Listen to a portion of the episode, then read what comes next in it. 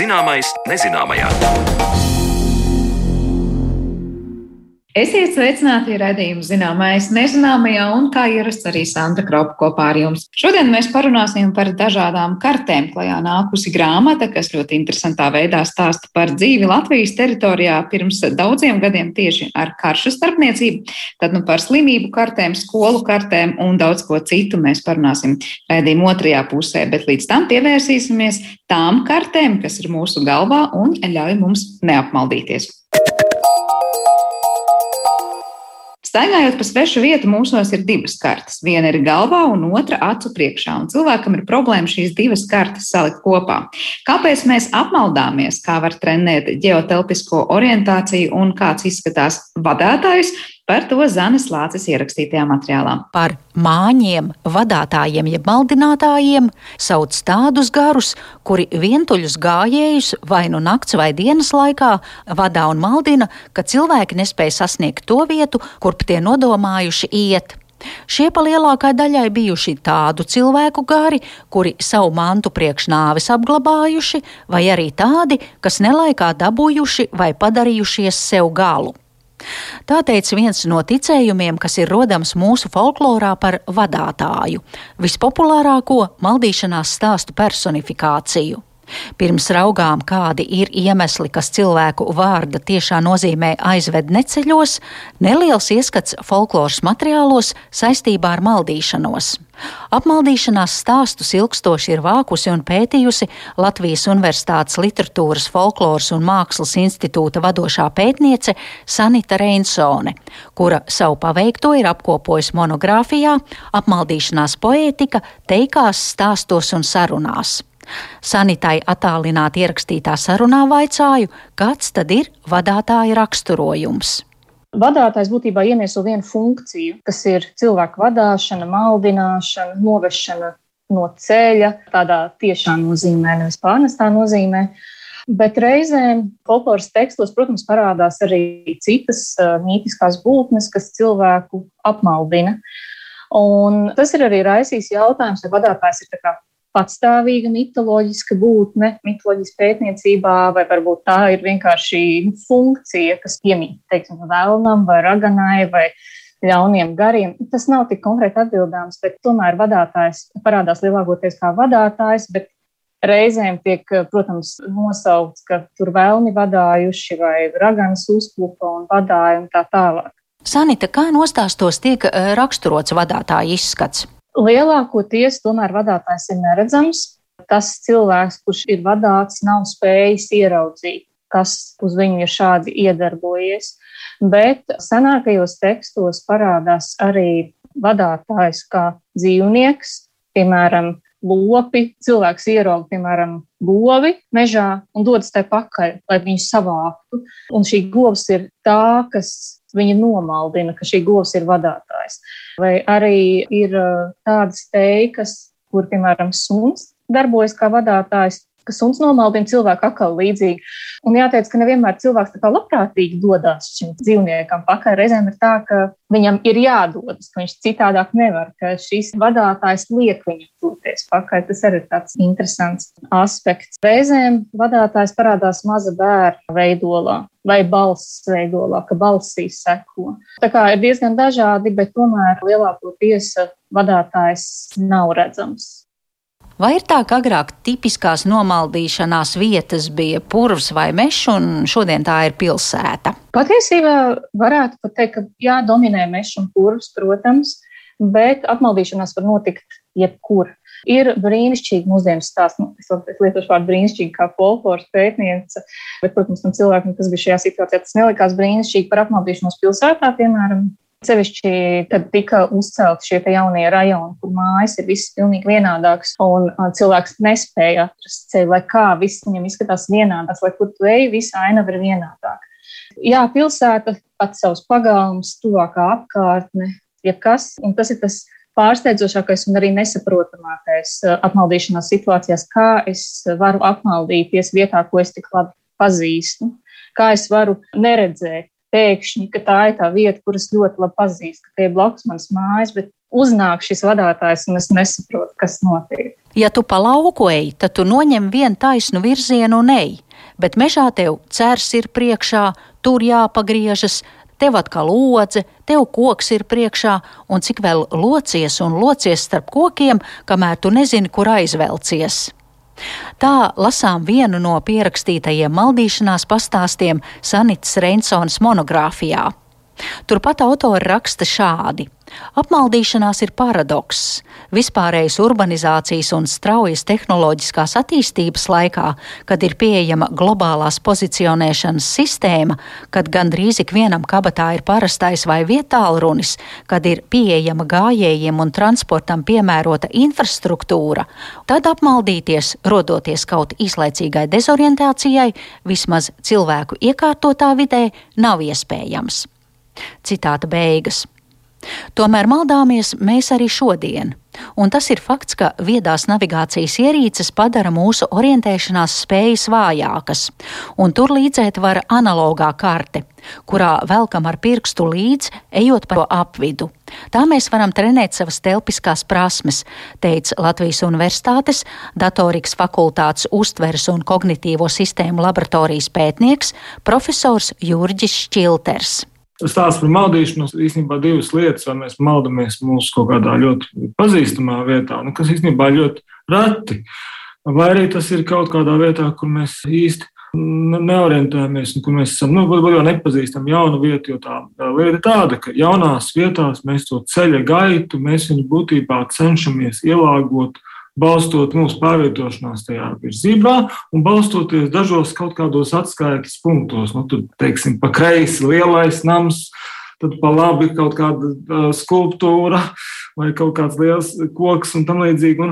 Un mēs būtībā to varētu teikt, to filmu tā, lai nesakoties, mēs visu laiku tienam līdzi tajā nepazīstamajā vietā. Un problēma ļoti bieži ir saprast, nu, kur tad tieši mēs esam attiecībā pret to kopējo globālo, to tās konkrētās vietas struktūru. Tas pārvietojoties nepazīstamā vietā, nu, galīgi nav triviāli. Un, un, un viens piemērs, kur mēs to varam novērot, mēs kādreiz, nu, gan jau katrs esam bijuši kādā svešā vietā, kur ir tā saucamā, esi šeit, kartes. Karti, un tad maza sarkans aplīts vai būtiņa, un jūs atrodaties šeit. Un mums katram ir grūti saprast, kur mēs tajā brīdī esam. Labi, vienam varbūt ātrāk, otram lēnāk, bet, nu, bet tā lieta tāda, ka mums jau paiet kaut kāds laiks, kamēr mēs saprotam, kur tad tieši mēs esam esam. Un tad, kad mēs sākam, protams, pārvietoties, tad mums atkal tas orientieris var pazust. Tas nepazīstamo vietu navigācijas princips vienmēr ir tādi atskaites punkti, un, un tas, ka mēs visu laiku tinam to ceļu līdzi. Tas, kas notiek, kad mēs pārvietojamies pazīstamā vietā, tad mums darbojās tāda izpratne par to vietu struktūru kopumā. Un tad mēs varam veidot, piemēram, tos visus īsceļus, un mēs varam atrast vietas ātrāk un efektīvāk. Un pazīstamās vietās mēs tāpēc salīdzinoši reti maldamies, nu, vai pēc tam ļoti jocīgi mēs apmaldamies. Bet, nu, atkal, var jau gadīties tiešām liels uztraukums vai nogurums. Nu, tie maldinātāji faktori arī tie arī ir. Nu, cilvēki tipiski apmaldās, ja viņi ir ļoti nobijušies, noguruši, Varbūt arī, teiksim, tā, nu, ja ir grūts tas ceļš, kur pārvietoties, nu, tad arī tā sajūta, ka viņš ir garāks, piemēram. Tātad, ja es pareizi saprotu, tad, kad cilvēks stāv pie tādas norādes, kur rakstīts, tu esi te, tad viņam it kā vienlaikus ir jādarbojas ar divām kartēm. Tā viena ir tā uzrakstītā, un tā otra ir reālā vide un telpa, kur cilvēks atrodas. Pilnīgi precīzi. Tātad mums ir divas kartes. Viena karte ir mūsu galvā, un otra karte mums ir acu priekšā. Un tā problēma ar svešām vietām, vietām kur mums ir acu priekšā tā karte, nu, tā tad tas, esi šeit karte, ir tā, ka mēs tās abas perspektīvas nevaram salikt kopā. Tā ir tā problēma ar jaunām vietām, ka mums nav tāda konfigurācija par to telpu kopumā. Un tad nāk, protams, normāli, jo mēs esam svešās vietās, mēs, protams, ka mēs satraucamies tajā brīdī, kad mēs vairs neatpazīstam to vietu tajā reģionā, kur mēs atrodamies. Un, protams, ka mums ir uztraukums, un tad ir visādi citi faktori, kur, faktiski rada arī vadītāja efektu. Tā vienkārši lieta tāda, nu, ka visi šie faktori, teiksim, nogurums, uztraukums, viņi visi mūs ģenerē nu, tādu arī kļūdainu telpas tādu nu, atskaites objektu identifikāciju. Mēs domājam, ka mēs esam šeit bijuši, lai gan mēs neesam bijuši. Tas ir uztraukuma rezultāts. Tur nav īstenībā mūsu telpiskā navigācijas prasme pie vainas. Nu, tā ir cita lieta, ka, ka telpiskās navigācijas prasmes var trenēt. Tas gan fakts. Vai jums ir padoms, kā mēs šodien līdzās visām viedajām navigācijas ierīcēm varam trenēt savas orientēšanās spējas? Tad īsti laba recepte nav. Nu, piemēram, cilvēki, kuri ikdienā spēlē video spēles, kurās ir piemēram pārvietošanās telpā. Mēs tādi, kur vienkārši no malas skatās kaut kādus notikumus, teiksim, nu, pašiem pārvietošanās telpā, un turklāt šī telpa mainās. Ir pētījumi, kur liecina, ka šādiem ļaudīm ir mazliet labākas navigācijas prasmes. Protams, arī cilvēki, kuri ar orientierismu nodarbojās, nu, viņiem arī ir mazliet labākas tās navigācijas prasmes. Viņas var trenēt, un ir pat arī dažādas arī metodas, bet tā problēma sākās tajā, ka mēs jau esam diezgan dažādi, kā mēs to telpu lietojam. Un, ja tagad tā sadalītu, nu, pēc principa, ja sagrupētu mūsu kādi mēs esam, tad liela daļa cilvēku būtu tādi, kuriem ir ļoti labi orientēties kaut, pēc kaut kādām objektiem, mājām, celtnēm. Nu, Respektīvi, viņi spēj to telpu pielāgot, iziet no, šādiem telpu saimkot punktiem. Tad ir cilvēki, kuri ļoti labi spēj orientēties telpā, nu, vienkārši praktiski navigējot. Vienkārši ejot viņam tā telpas, mēs droši vien teikt, telpas izjūta kaut kādu. Nu, jā, tāda arī ir. Un tad ir, protams, arī vēl trešā grupa, kuriem ir vajadzīgas tās nu, verbāli analītiskās prasmes, lai viņi labi varētu telpā darboties. Tagad tas jautājums, nu, ja mēs gribam uztrenēt kaut kādas navigācijas prasmes, tad mums droši vien būtu jāsaprot, par kuru no trim grupām ir runa. Ja mūs notestētu, tad konstatētu, ka mēs tā diezgan labi sakrītam kādā no tām trim kastītēm. Vai mēs esam objektu vizualizētāji, vai mēs esam navigatori, un lai mēs esam labi verbalizētāji. Tāpēc ir tā, ka teiksim, cilvēki ļoti bieži, piemēram, ja ir uh, pieturvietas nu, kaut kādā lielā pilsētā, kur viena pēc otras uzrakstīts, ir cilvēki, kur ļoti labi šādi spēja orientēties. Savukārt ir citi cilvēki, kuriem tas ir galīgi, nu, tā teikt, krīt uz nerviem un kaitina, un viņi nespēja saprast, kur viņi ir. Viņam tā karte ir vairāk vajadzīga, kur tās pieturas ir kartē sazīmētas. Un tas arī liecina, ka mums ir, dažādas tās rutīnas, kā mēs tālu darbinam un apgūstam. Savukārt, lūkojot, kādi bija mūsu senču padomi, ja cilvēkam gadās apmaldīties, folkloras pētniece Sanita Rensone min atgādnās darbības, vai nu pārvelkot apavus vai apģērbu uz otru pusi. Jāapmaina kurpes vietām. Labo uzvalkot kreisajā, kreiso uzvalkot labajā. Vai jāapgriež lakatiņš otrādi, vai no jānoģērbjas kailam un jāuzvelk drēbes, izgrieztas uz kreiso pusi skaitīt tēva reizi, pārmest eh, krustu. Bet mūsdienās cilvēki, tie, kas vaicāju, kā neapmaldīties mežā, ko viņi iesaka mežā darīt, tad šie ieteikumi vairāk ir tādi nomierināties, apsēsties, pagaidīt, padomāt, lai tavs prāts nomierinās un lai tu spēj kā, labāk sajust to telpu, kurā tu atrodies un atgriezties normālā pasaulē. Par maldīšanos agrāk un tagad stāstīja Latvijas Universitātes Literatūras, Folkloras un Mākslas institūta vadošā pētniece Sanita Rensone un Latvijas Universitātes datorikas fakultātes uztvers un kognitīvo sistēmu laboratorijas pētnieks profesors Jurģis Šilters. Ar viņiem tikās mana kolēģe Zane Lāce. Bet par kartēm Latvijas teritorijā, senā un netik senā pagātnē mēs parunāsim raidījuma turpinājumā.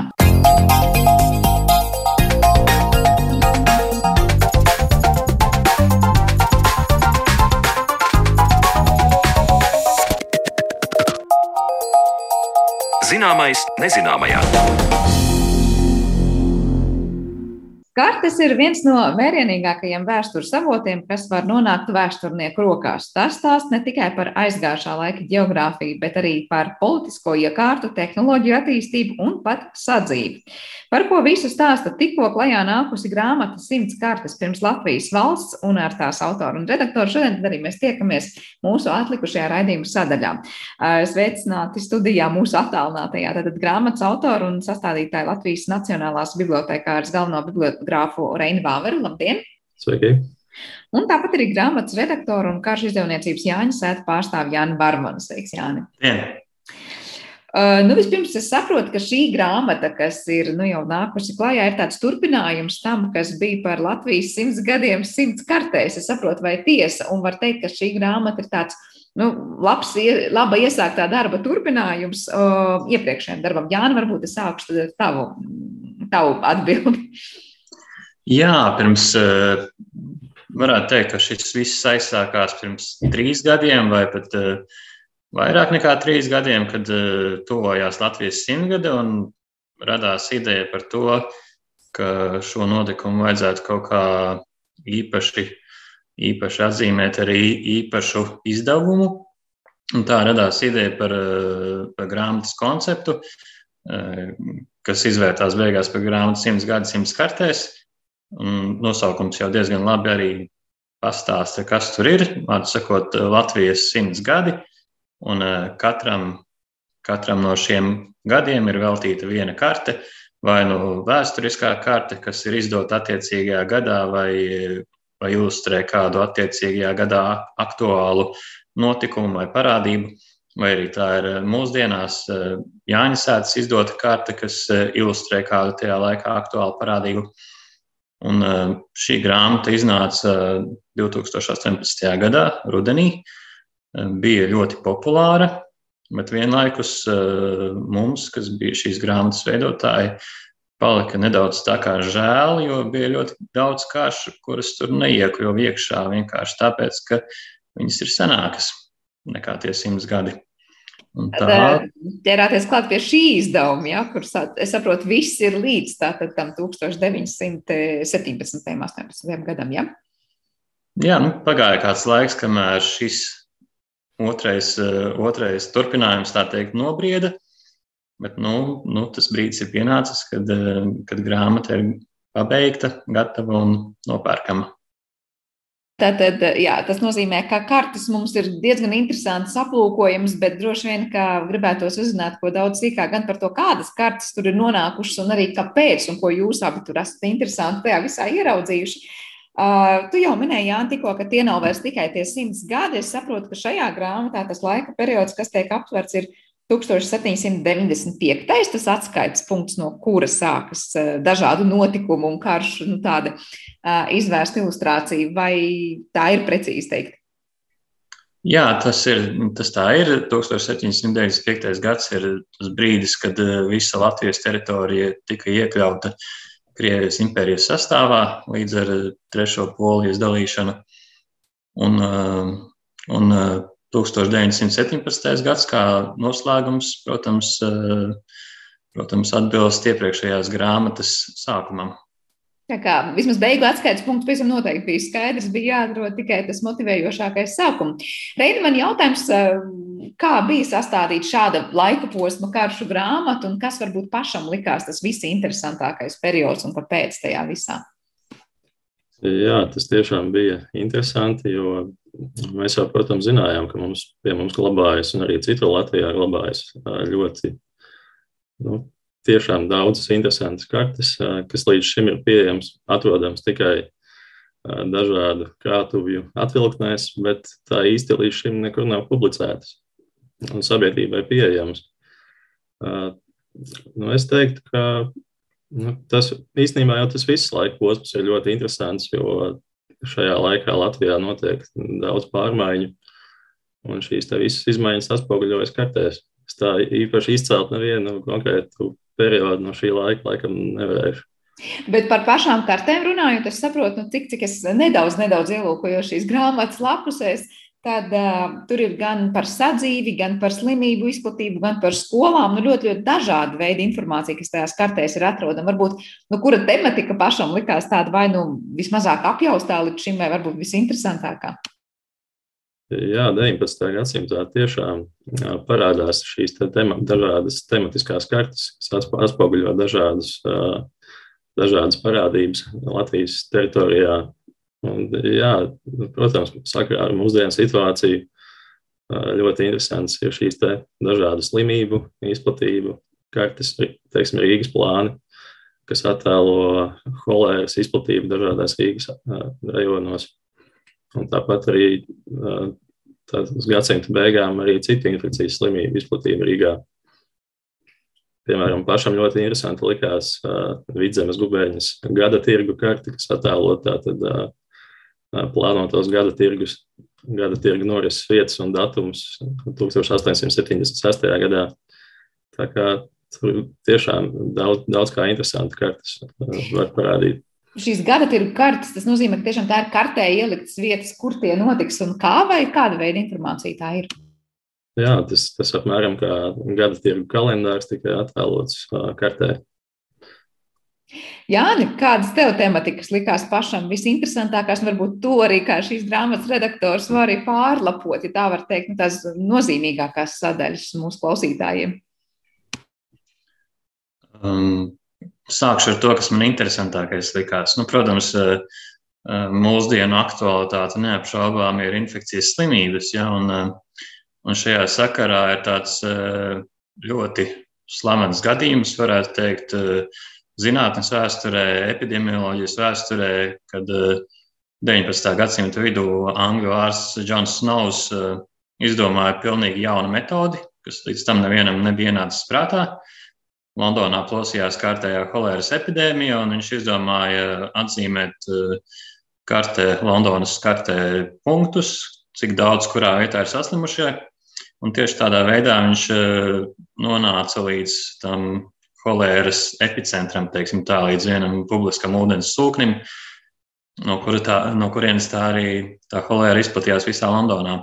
Un, kas ir eh, ļoti interesanti, Reinis bija atradis ļoti līdzīgu kārti arī par Rīgu, eh, izdota kādus 11, aptuveni 15 gadus pēc Eh, pēc šīs eh, slavenās Džona Snova kartes, bet eh, arī jau, nu, manuprāt, tas ir priekš 19.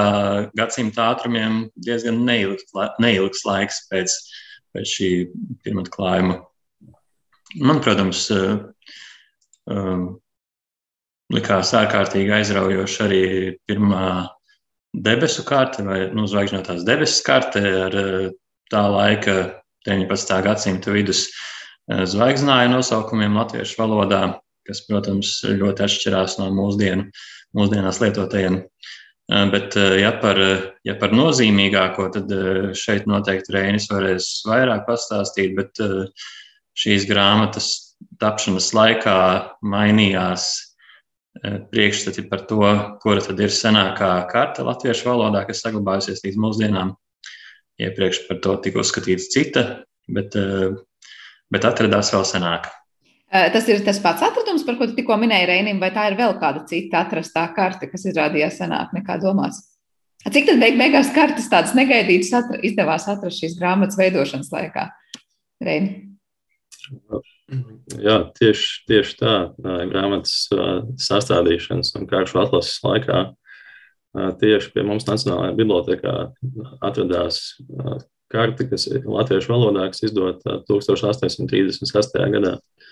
Un tātad šī tā karte attēlo mūsu Palestīnas tātad teritoriju Jēzus Kristus dzīves laikā. Un, bet līdz šim, kas senāko karti latviešu valodā tika uzskatīta 1839. gadā. Tātad Vācu mācītāja Kristiāna Berholts, Krievijas karte. Līdz ar to jā, vispār bija zināms, ka šāda te, uh, Palestīnas karte pastāv, bet uh, neviens ne, līdz šim nebija aizdomājies, ka tā ir pati pirmā. Bet kur to izdevās atrast, un varbūt cik daudz ir zināms par to, kāpēc tā laika cilvēkam bija svarīgi un būtiski latviešu valodā fiksēt šo Palestīnas konkrēto reģionu? Uh, pirmās kartes latviešu valodā vispār sastādīja valsts mācītāji. Tātad latviešu sabiedrības izglītošanai. Un, protams, tā kā galvenā lasāmviela šajā laikā bija Bībele, tad līdz ar to vajadzēja attēlot lasītājiem, padarīt saprotamāk, kur tad šī darbība notiek. Līdz ar to, jā, kartes autors tātad ir mācītājs Augusts, Augusts Dēdners, un viņš šo karti pievienojas tādam paskaidrojošam rakstam, kā, kā tad īsti pašam šo karti sastādīt. Pats viņš arī šādu karti ir uzzīmējis. Protams, tā ir diezgan primitīva, bet, bet tik un tā. Tas ir iegājis, jā. Tieši tā. Bet kā sanāk, ka neviens līdz šim to nebija nekur ieraudzījis? Kur tā atradās un kāpēc izdevās atrast tieši tagad?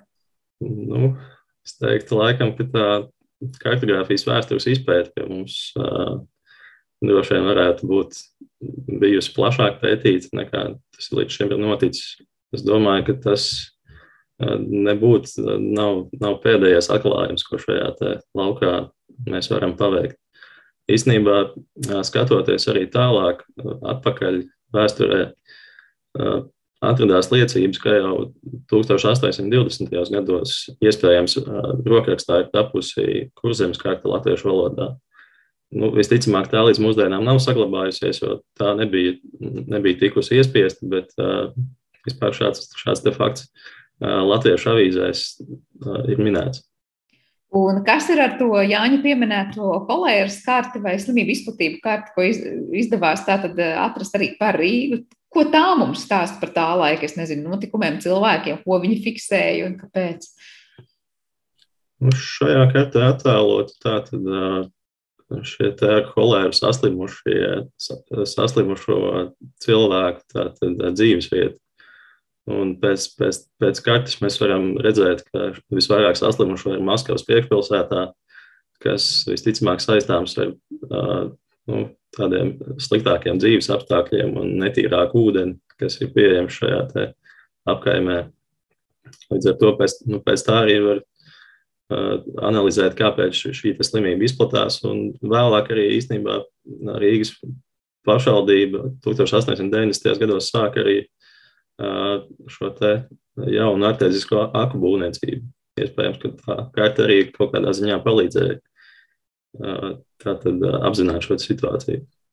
Eh, bet tas ļaut arī mums mūsdienās, skatoties šādās kartēs, vairāk ko saprast par to, kuri cilvēki slimoja, kā viņi varbūt iespējams pat ārstējās un kas tika darīts, eh, lai situāciju uzlabotu. Tad es saprotu, ka nu, tāda vēsturnieku rokās, droši vien nonākot tādām kartēm, mēs varam sagaidīt vēl kaut kādas jaunas interpretācijas par vispār aizgājušo laiku sadzīvi šajā teritorijā. Varbūt Jānis arī grib piebilst kaut ko. Karti jau ir ļoti bagātīgs informācijas avots, un katru reizi tur ielūkojoties un ar noteiktu mērķi ielūkojoties, to var atrast kaut ko jaunu. Tāpēc es domāju, ka, ja nu gadījumā kāds vēlas pētīt eh, medicīnas vēsturi eh, Latvijā 19. gadsimtā, tad eh, gan šī karte, gan grāmatā ir vēl viena infekcijas slimību karte. Tās noteikti, noteikti var sniegt bagātīgu informāciju. Kādu interesantu informāciju jūs, prāt, varbūt var sniegt, un jau jūs esat iz, izlobījuši no šiem dokumentiem? Es saprotu, ka grāmatā ir arī Rīgas adrešu plāns 1843. gada. Kas tur ir interesants atrodams un kādas atkal interesantas nu, vēstures dārgumus tā mums ļauj celt gaismā? Un kā jūs atradāt šo konkrēto materiālu? Reini? Jā, nu, grāmatā ir īstenībā vairāk Rīgas plāni kas ļauj savstarpēji to salīdzināt, izsekot Rīgas izaugsmē, gan teritoriāli, gan arī dažādi. Jā, nu, Rīgas tā izplašanās attīstībai, bet no adreses plāns, jā, viņš tā kā šis te grāmatā iekļautais ir ļoti vizuāli pievilcīgs, dažādām viņetēm, izzīmētām gar lapas malām.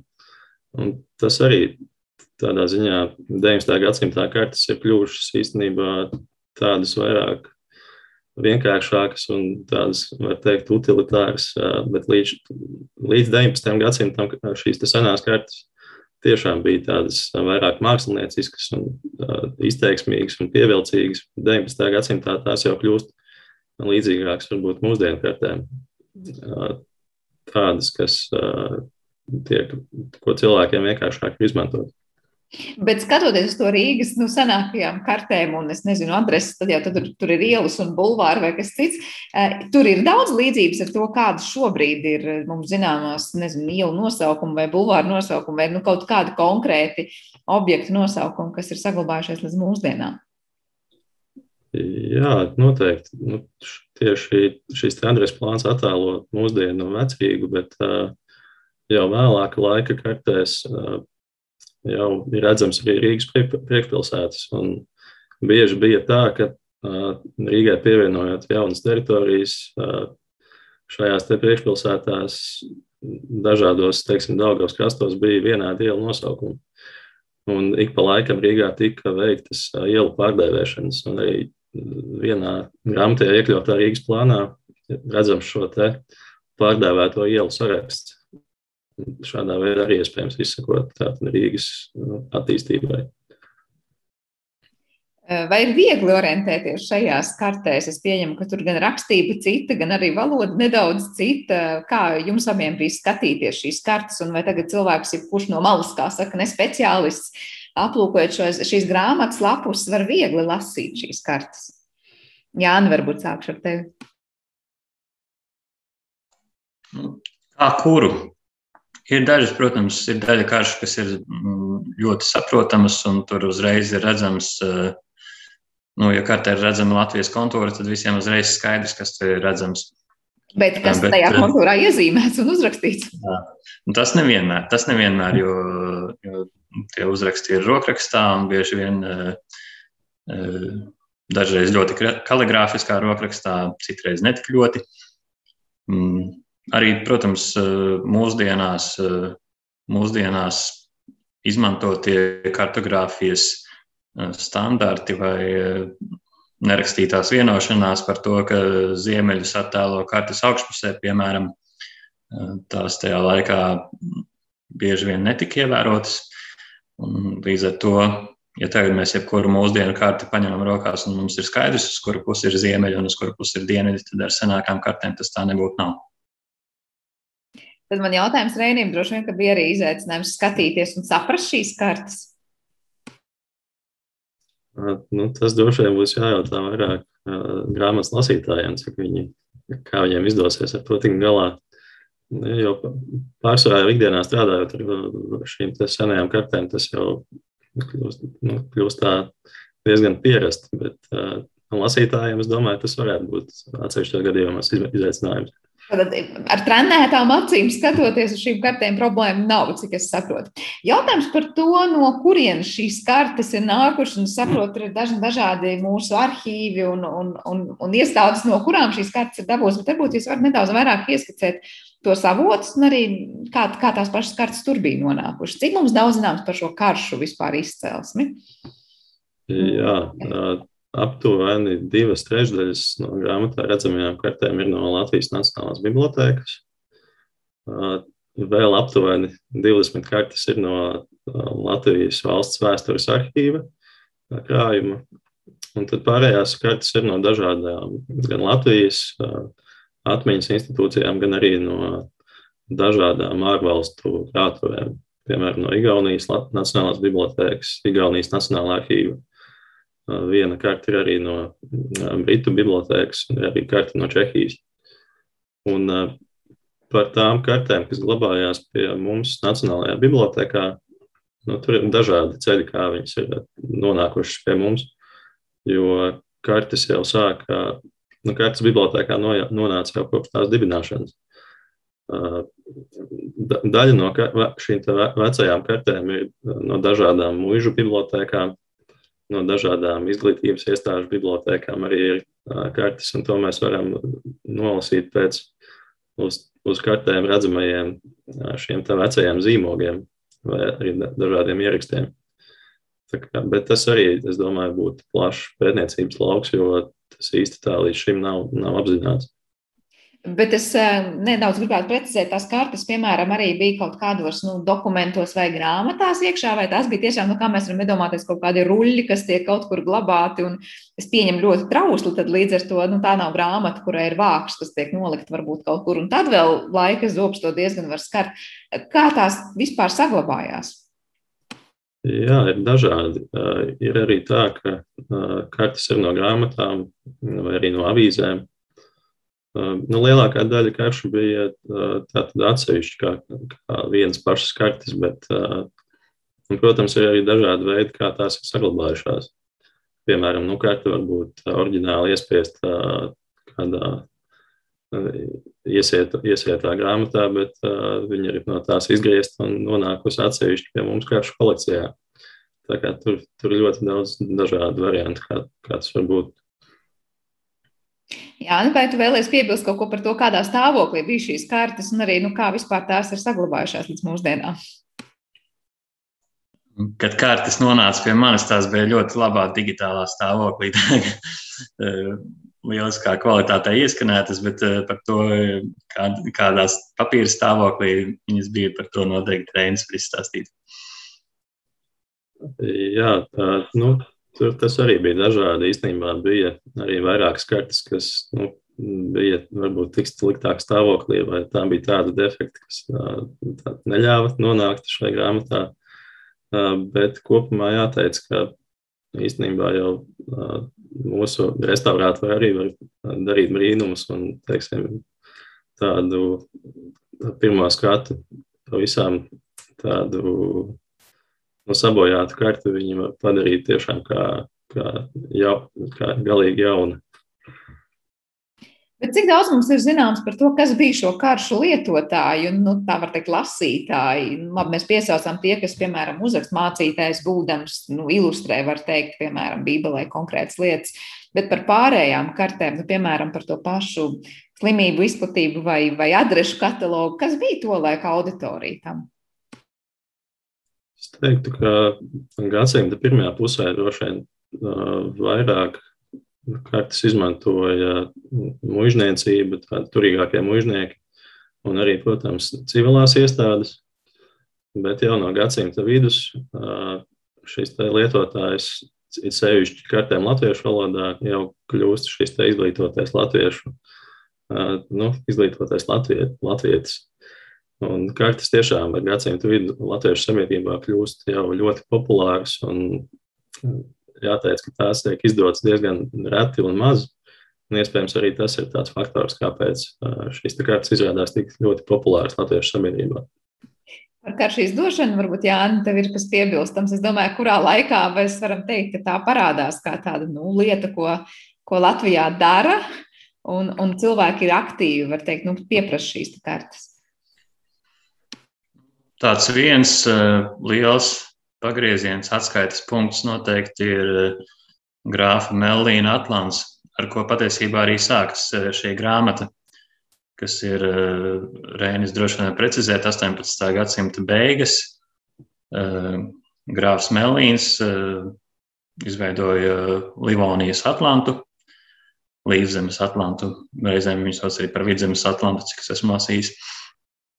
Un Tas, eh, tas, kā jau Reinis iepriekš minēja, droši vien bija eh, mužnieku rokās lielākoties, bet, eh, bet ar, laiku, ar laiku jau sāk darboties arī tādi, varētu teikt, mūsdienu izpratnē privātie kāršu izdevēji, sāka darboties arī, nu, varētu teikt, ka pirmais, pirmais latviešu kartogrāfs Matīs Siliņš, lai gan eh, kartogrāfi, kā jau mēs noskaidrojām, ir izdevuši kartas latviešu valodā arī agrāk, bet eh, Matīs Siliņš bija pirmais, kurš to darīja tādā mērogā un eh, tik masveidīgi. Ir kas piebilstams, Reini? Pirmā reize, jā, tieši 19. gadsimta vidū ar Krīmas karu. Tas bija tāds pirmais militārais konflikts, kas kam visa sabiedrība rakstiem presē varēja sakot līdzi. Un par šo karu norisi bija arī ļoti liela interese sabiedrībā. Tādēļ tā laika latviešu avīžu laikraksta redaktors Rudolfs Šulcs, tieši izdomāja sagatavot Eiropas kartu latviešu valodā. Un tiešām šī karta izrādījās tik populāra, ka viņš nākamajos gados jau sagatavoja un izdeva arī citu pasaules daļu kartes latviešu valodā. Nu, tas varētu būt tāds aizsākums tādam karšu popularitātei tieši latviešu sabiedrībā. Jā, karš popularitāte tiešām liek domāt par to, ka cilvēki interesējās par ļoti daudz, ko bija pietiekoši izglītot, lai tās spētu saprast. Bet par izglītību runājot, mēs tur mazliet pagājām garām kartēm par skolām Latvijā. Vai tur bija kas interesants un jums jauns vai pārsteidzošs, ko izdevās šajās kartēs ieraudzīt? Vai varbūt varat pastāstīt, par ko tās stāsta? Jā, nu, jā grāmatā ir tiešām vairākas Lat Latvijas kartes un arī, arī vidzemes gubernijas karte. Tieši ar šīm pareizticīgo mācību iestādēm. šīs pareizticības ienākšana Latvijā tieši 19. gadsimta vidū radīja, nu, jā, tie, tie, tieši šajā kartē ir attēlots tātad dažādu pareizticīgo šo skolu izvietojums vidzemē, bet arī gadsimta beigās ir šī Matīsa Siliņa 1896. gada Latvijas skolu karte, un visvairāk droši vien pārsteidz šīs skolu, skolu daudzveidība, kas šajā kartē ir attēlota. Un šī skrupulozā pieeja, kādu Matīs Siliņš ir piegājis no šīs un arī citu savu karšu attēlošanā. Tā kā daudzas un daudzveidīgas skolas bija tā laika šajā teritorijā. Uh, parasti saka, tā nu, karte no vienas puses ir, lai cilvēki orientētos, no otras puses tas ir daudziem varbūt pasaules skaidrojums. Citiem tas vispār ir pasaules redzējums un skats uz pasauli. Kā jums abiem liekas, skatoties uz tā laika kartēm un domājot par tā laika cilvēkiem, kas nu, dzīvoja šajā teritorijā, kāda viņiem likās tā pasaule? Viņa bija tāda tāla, daudzveidīga. Jānis sākumā pat par zvaigznēm runāja, tad skatījās debesīs un interesējās par daudz ko tālāk par ikdienišķo. Bet tās bija ļoti tādas praktiskas lietas par savu tuvāko apkārtni un tur notiekošo nezinu, vai, vai tiešām atkal stāsta par slimībām vai ko citu. Kā jums liekas, skatoties uz tā laika kartēm, ko var spriest par tā laika cilvēkiem? Es varbūt sākšu ar Reini. Ir ļoti dažādi. Nu, es domāju, ka šo te karšu, pat arī Eiropas un pasaules karšu popularitāti var spriest, ka cilvēkiem bija vajadzīgs kaut kāds tāds uzskatāms līdzeklis, ar kuru palīdzību tad, tad viņiem palīdzēt šajā pasaulē orientēties. Un tātad grāmatā ir iekļaut arī 1860. gadu pasaules karte. Tas ir tiešām ļoti interesanti mūsdienās vērot šos te dažādus geogrāfiskos nosaukumus, kas bija tā laika, jā, tā laika izteiksmē, un redzot arī to, ka gan Dienvidpolā, gan Ziemeļpolā ir iezīmēta ledus jūra, ka nav, nav Antarktīdas kontinents, neparādās vēl kartē. Un tā kā, bet, protams, arī dažādas kartes attēloja arī daudz mazāku teritoriju, piemēram, jā, piemēram, arī kaut vai tikai savu pilsētu. Tad grāmatā redzam arī ap, no, aptuveni desmit dažādi pilsētu plāni. Tā kā tas mērogs bija ļoti atšķirīgs jau tajā laikā. Mm, paldies! Jā, tev šis pats jautājums, un tūdaļ vēl viens papildus jautājums būs par nākotnes plāniem, bet varbūt jā, par to, kā tev liekas, ir tas redzējums uz cilvēkiem tā laika. Nu, tā laika cilvēkiem nu, ceļošana un tāla ceļošana jau ir diezgan uh, nesena parādība. Un, uh, teiksim, 19. gadsimtā iespēja nokļūt, aizbraukt kaut kur tālu bija ļoti, ļoti nelielai daļai uh, no iedzīvotājiem. Lielākoties viņi, viņi turējās vairāk vai mazāk vienā, vienā apvidū. Un, uh, es domāju, ka šīs uh, kartes, kuras, kuras attēlo tālākas pasaules malas, teiksim, nu, visas pasaules karte vai, teiksim, uh, Manžūrijas eh, kara lauku karte eh, Krievu-Japāņu kara laikā. Tas eh, kaut kā, kaut kā palīdz viņiem, noteikti palīdz izprast, izprast pasauli un sajust sevi kā plašākas pasaules daļu, nevis tikai, tikai sava vietējā apvidus. Bet tādas praktiskas kartes droši vien lielākoties tās, kuras aptver nelielāku apvidu. Tam arī pielietojums droši vien bija cits. Tad var teikt, visi šobrīd mums zināmās tā laika kartes aptvērtas un parādītas, un ja kas interesants uzpeldēs arī kādu nu, pētnieku varbūt, vai arhivāra um, skatu punktā, tad droši vien par to mēs arī uzzināsim. Nu, ko es teikšu jums lielu paldies par šo sarunu un tādu virtuālu ieskatu šajā grāmatā, kas tikko, tikko klajā nākus un tiešām solās būt interesanta.